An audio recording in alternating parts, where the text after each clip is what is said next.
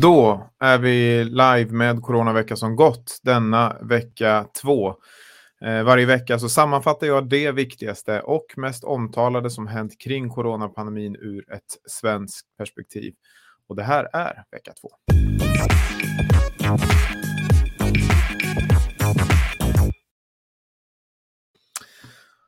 Smittan slår eh, ju nu nya rekord eh, och vi ska prata om det och väldigt mycket annat. Men vi börjar som vi brukar göra och prata om hur många som avlidit hittills i Sverige. Det är 15 377 som avlidit med covid-19 i Sverige och det är en ökning med 136 dödsfall. En ganska dramatisk ökning, 69 fler fall än förra veckan, så i princip en, en dubblering ju.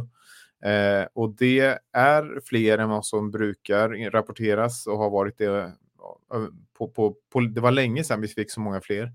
Eh, och det här är, eh, man kan tolka det på lite olika sätt. Dels kan man se det att det var typ tre veckor sedan vi fick den här starka extrema smittökningen och man skulle därför kunna koppla det till att eh, vi nu först nu då ser hur vad den här extrema smittan ledde till i dödsfall. Men ett annat sätt att tolka det är också att vi mäter just med covid-19 här, alltså hur många dödsfall som vi har med covid-19, inte på grund av covid-19. Och att det därför finns anledning att vara lite försiktig kanske i sin, sin tolkning här. För det som händer när det är väldigt många som är smittade samtidigt är ju att det även är många av de som eh, är i livets slutskede som kanske bär på smittan, alltså oavsett vilket, eh, hur gammal man är och så kanske man råkar helt enkelt vara smittad samtidigt med covid-19 eller har varit det de senaste 30 dagarna. Eh, och det här är en återkommande problematik som vi kommer att ha i statistiken just den här veckan och antagligen en stund framöver när smittan är på den här extrema nivån. För smittan alltså fortsätter att nå nya rekord och extrema nivåer. För andra veckan i rad är antalet fall mer än dubblerade jämfört med föregående vecka.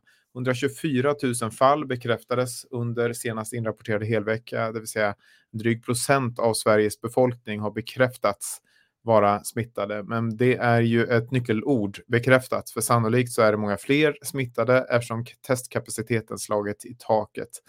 Och det här gör också att det är väldigt svårt att få en rättvis eller exakt bild över antalet smittade just nu. Men vi kan alltså se här, för er som följer via video, att vi är uppe i eh, en eh, extremt hög eh, smittökning som vi aldrig har varit i närheten av tidigare. Där det ser nästan löjligt ut med de här tidiga vågorna som har varit jämfört med de här raketen som nu är på gång. Och mätt i relativa tal, alltså per 100 000 invånare uppdelat i vaccinerade och ovaccinerade, så är det i statistiken nu jämnt mellan eh, de här grupperna. Eh, även om vaccinet i huvudsak skyddar mot sjukdom snarare än infektion så finns också indikationer på att ovaccinerade i högre utsträckning inte testar sig vid symptom och därför är underrepresenterade i statistiken. Alltså, det är ju i Sverige idag ungefär eh, 80 procent av den vuxna befolkningen, eller de över 12 år, som har vaccinerat sig, som är fullvaccinerade. Och så finns det ju en, en, eh, en grupp som inte är det. Och just nu då så ligger det ungefär jämnt, eh, eller det är ungefär representativt när vi tittar på testningen, att det är lika många smittade som det är ovax, eh, smittade vaccinerade som det är smittade ovaccinerade. Eh, men det, kan, det finns flera grafer som vi kan titta på det, till exempel den som är här nedanför, eh, där vi ser räknat då i eh, 100 000 Eh, medborgare i respektive grupp så ser vi att det är i princip jämnt och då kan man ju verkligen börja ifrågasätta vad har vi vaccinet då till för? Och det är ju då som sagt kanske allra mest för att skydda oss mot svår sjukdom.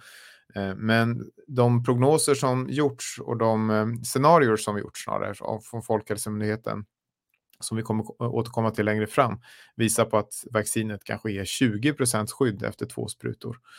Eh, och då borde ju då vaccinerade ligga mycket lägre. Vi ligger fortfarande lägre eh, bland de infekterade jämfört med ovaccinerade, men vi borde ju ligga mycket lägre.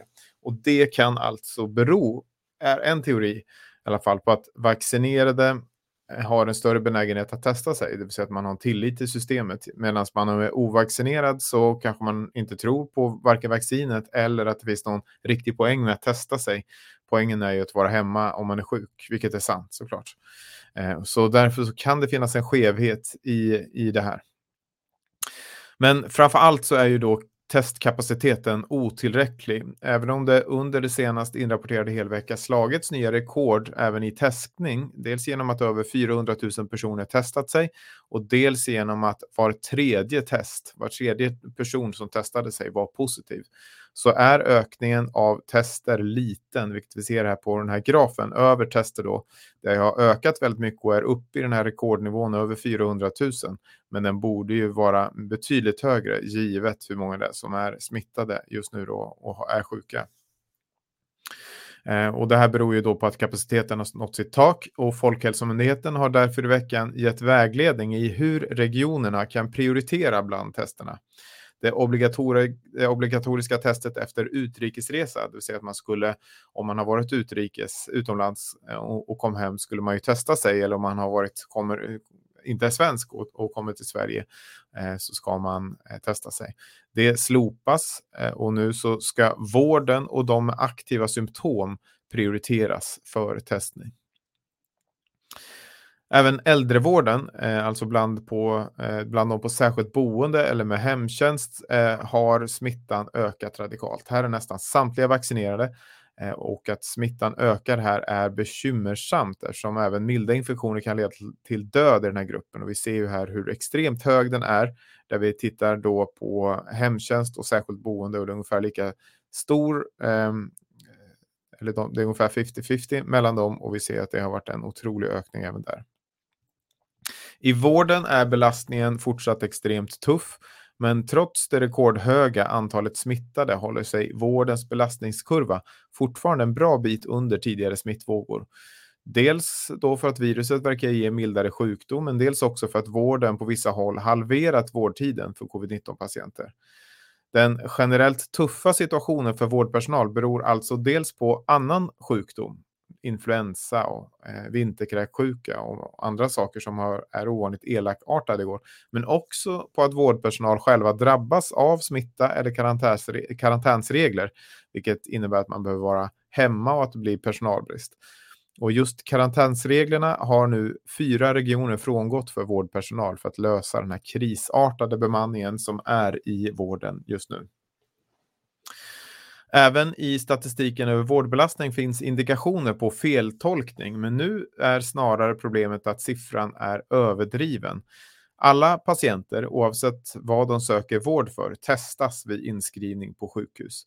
Och eftersom smittan i samhället är hög så kan även den som läggs in på sjukhus med ett brutet ben hamna i statistiken över covid-positiva sjukhusfall. Alltså, är, kommer jag in eh, och har brutit armen och så gör jag ett test och så visar det sig att jag är positiv så hamnar jag alltså i eh, statistiken över de som behöver vård med covid-19. Och det här innebär ju då förvisso att vården behöver lägga resurser på att hantera mig eh, som patient på ett eh, smittsäkert sätt. Men det behöver ju inte, innebär inte att eh, patienten behöver vård för covid-19. Och den här risken då för feltolkningen av statistiken har flera regioner varit ute och flaggat och varnat för i veckan. Och läkare i, tror att det ibland kan handla om 30 procent av sjukhusfallen i vissa regioner. Folkhälsomyndigheten menar att kvalitetssäkrad data kommer med några veckors fördröjning här just kring sjukhusvård och att de nu uppskattar att 20 procent av sjukhusfallen kan eh, vara sådana som skrivits in med och inte på grund av covid-19. Vi kan se här på statistiken i alla fall då, hur det har ökat.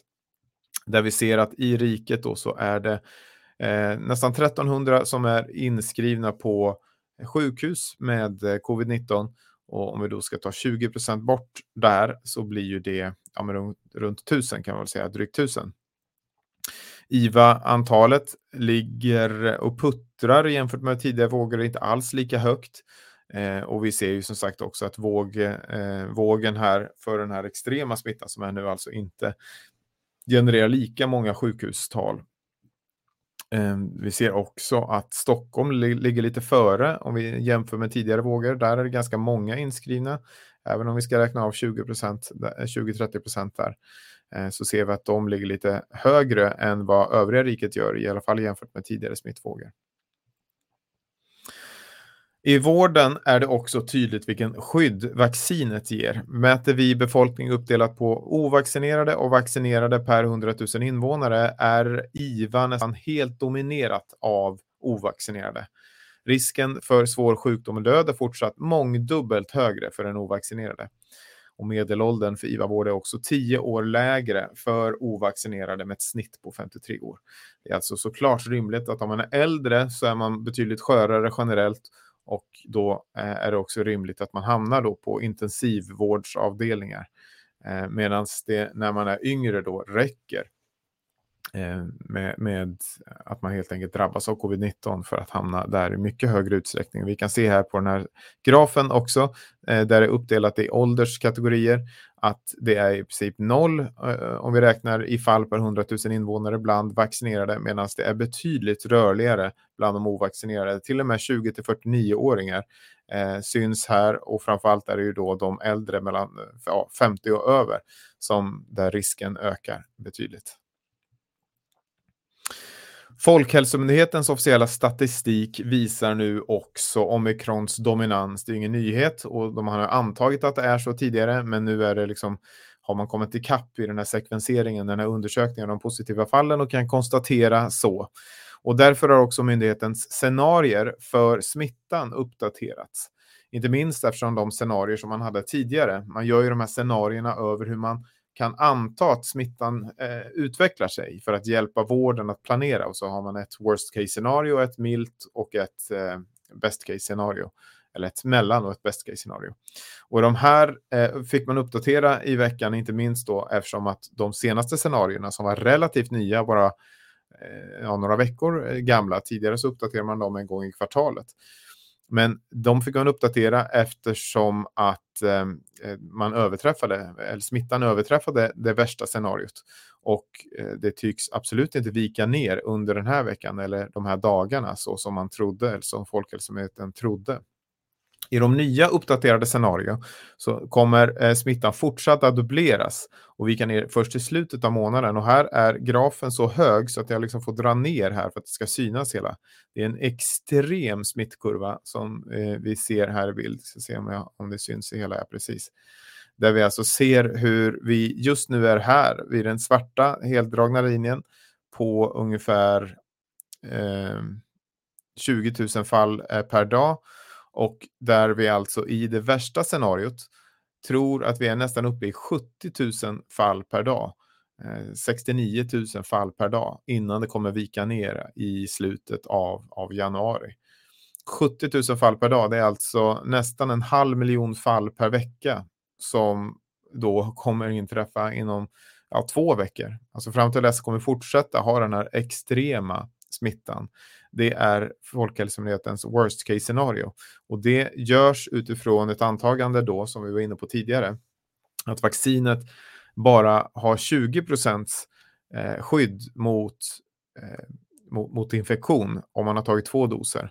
Och sen så görs ytterligare ett antagande om att vaccinet har 70 procents skydd efter tre doser. Och då så lägger man sig på det här lite mera försiktiga scenariot som alltså handlar om eh, ungefär 47 000 fall per dag eh, som värst och det är i slutet av januari innan smittan börjar skarpt vika ner. Men i det andra scenariot så antar man att tre doser vaccin har bara 35 procents skydd mot covid-19. Och då eh, är vi alltså uppe här i nästan 70 000 fall per dag innan smittan kommer börja vika neråt igen. Så det här är ju en eh, extrem situation som vi då har framför oss i ett redan extremt läge. Och det här är ju också anledningen till att det blir så viktigt just att prata om, om vården. För att även om det nu skulle vara så att eh, covid-19 är, visar sig ge mildare eh, sjukdomsförlopp så är det ju så att om det är, säg att det är hälften så milt så är det fortfarande så att om smittan är tio gånger så stor så jämnar ju det ut sig. Eller det jämnar ju inte ens ut sig, det blir ju värre ändå för vården helt enkelt. Och givet då den här smittökningen så presenterades en rad nya restriktioner i veckan och som siktar mer på att minska kontaktytor än att använda vaccinbeviset, något som, som Folkhälsomyndigheten inte tycker är aktuellt just nu. Alltså det är inte aktuellt med vaccinbevis på restauranger och så vidare. Det är inte liksom något som eh, kommer hjälpa den situation som vi är i. Men restriktionerna är ändå att restauranger tvingas avsluta alkoholförsäljning och därmed oftast verksamheten klockan 11 på kvällen. Det är krav på sittande servering om att max åtta personer i varje sällskap. Vuxna ska allmänt begränsa antalet nära kontakter inomhus. Allmänna sammankomster, vilket ju är teatrar, konserter, gudstjänster, demonstrationer, ska ha sittande publik med max åtta personer eh, per sällskap inomhus. Och eh, man får vara max 500 personer och då behövs eh, vaccinbevis. Och den här, det här kommer införas 19 januari, så det är två dagar kvar. Eh, och utan vaccinbevis får man vara max 50 personer.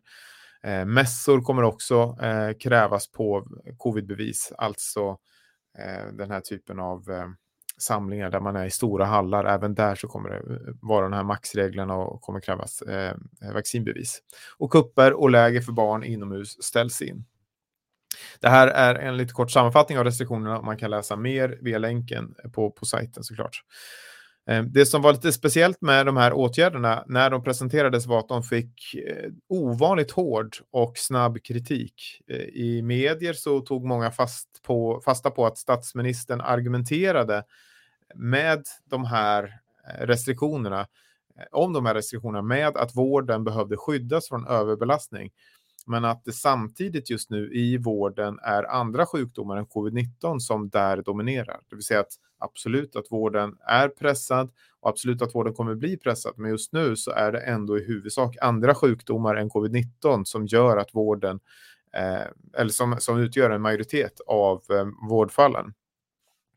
Det innebar också en ökad kritik mot att politi politiken inte tidigare utökat vårdens kapacitet. Hade vi kanske kunnat slippa de här restriktionerna om man för två år sedan eller ännu tidigare hade utökat kapaciteten så att vi hade kunnat ta in fler patienter i sjukvården. I veckan så har flera granskningar gjorts om just detta som har visat att byråkratin ökat i vården de senaste åren. Alltså att den tillförts mer pengar men att det inte skapar fler vårdtillfällen. Alltså det skapar inte en högre kapacitet. Däremot har det skapat högre löner för chefer vilket fått särskild kritik i veckan efter att Karolinskas eh, högsta chef fick en, en rejäl löneökning. Eh, både oppositionen och vårdfacken hakade på det här och senare, de senare, alltså vårdfacken, krävde en egen kriskommission för vården i Sverige, vilket regeringen tycks vara öppna för. De har bjudit in facken till samtal. Kulturbranschen och restaurangnäringen tog beskedet om de nya restriktionerna hårt och oroas djupt över konkurser. Eh, det har ju varit ett antal upprop om detta just den senaste tiden. Lärarna tycker att restriktionerna är löjliga och att lärarna offras i kampen mot smittan.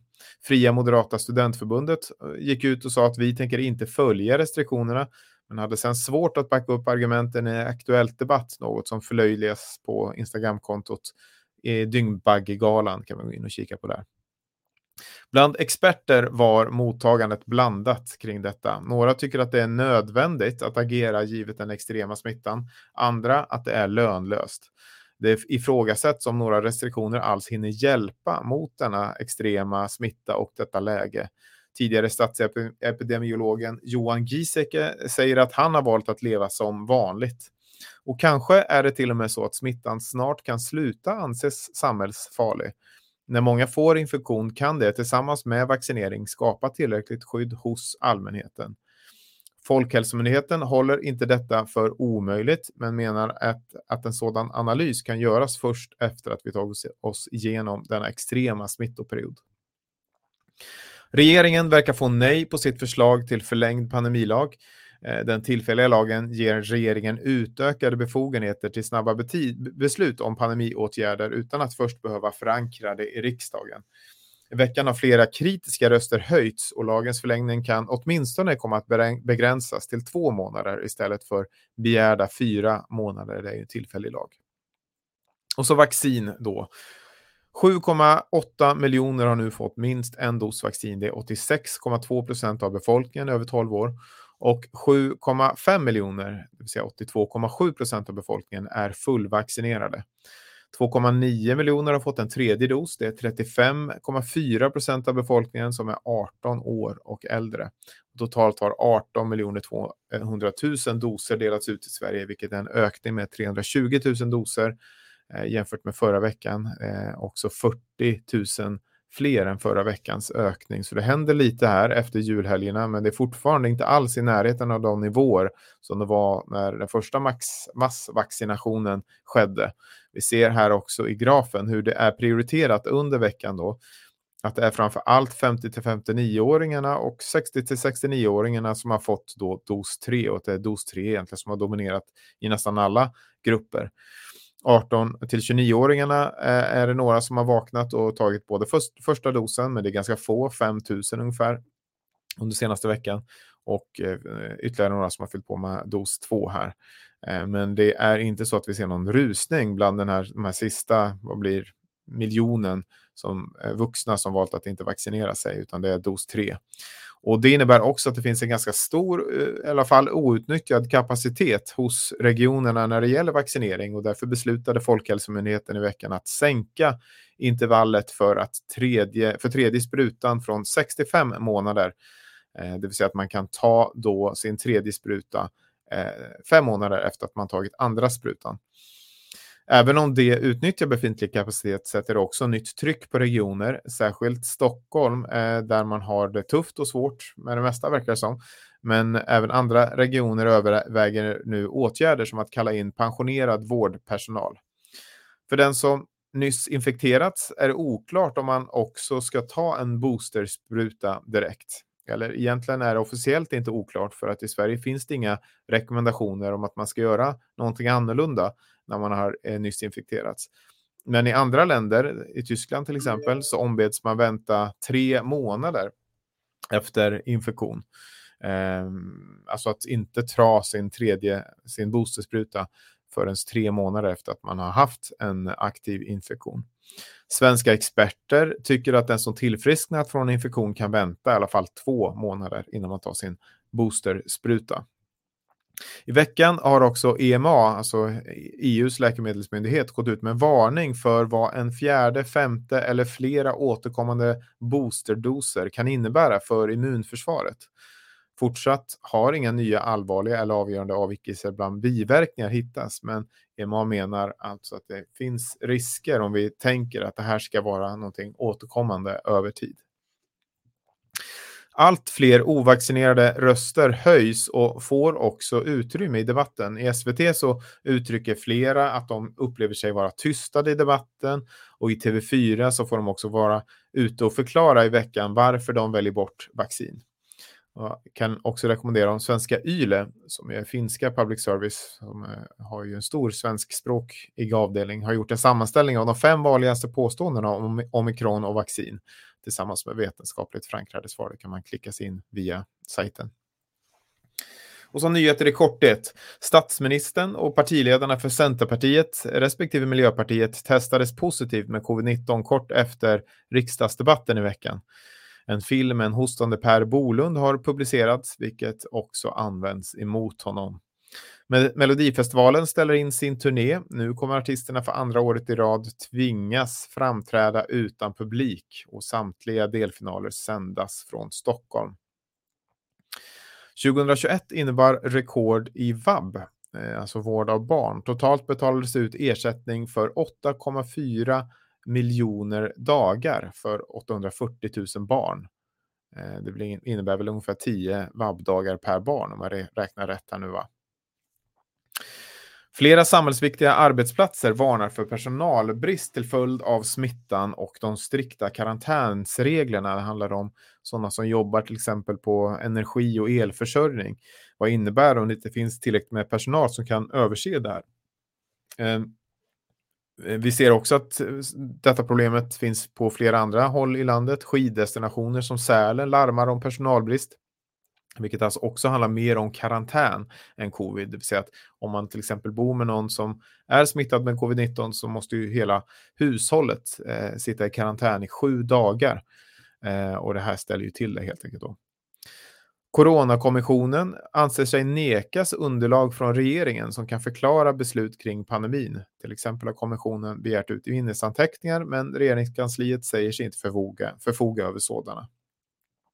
Många äldreboenden saknar fortfarande syrgas trots att sådan brist var en av de sakerna som Coronakommissionen kritiserade i sin första delrapport.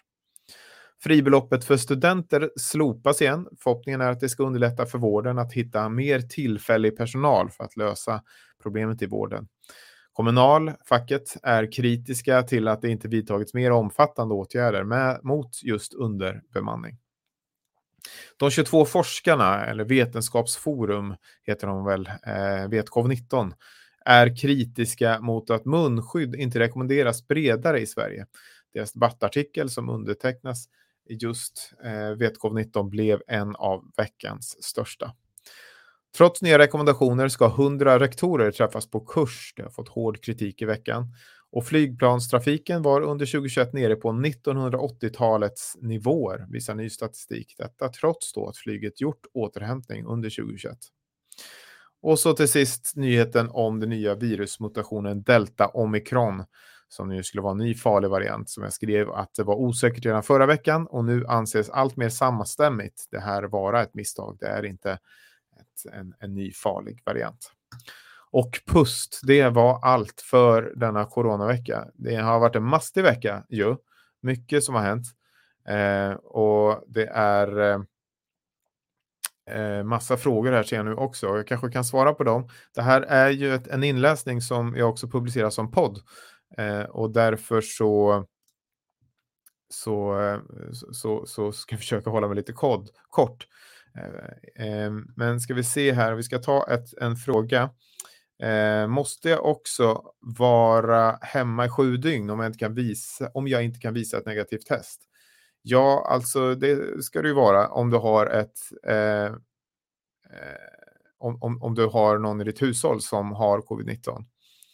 Eh, helt enkelt. Det här är egentligen också frågor som jag inte ska svara på för att mitt, mitt primära uppdrag är ju inte att vara eh, någon slags expert. Jag är journalist och försöker sammanställa saker helt enkelt. Eh, och därför försöker jag akta mig för att ge mig in på alla de där sakerna.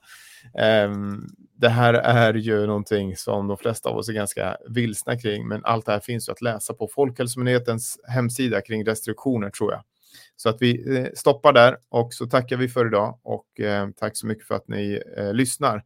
Det här är ju en eh, redovisning som görs eh, med stöd av folk som stöttar via Patreon. Det får man gärna göra. Patreon.com snedstreck Emanuel Karlsten kan man stötta med 20 kronor en kaffe i månaden och tillräckligt många gör det så innebär det att jag kan fortsätta göra det här eh, och de här sammanställningarna och så får man ett mejl med rapporten och så kan man ha den här podden eller lyssna på det här viset om man tycker att det är värt det. Okej, okay, tack så mycket för den här veckan. Eh, vi hörs igen.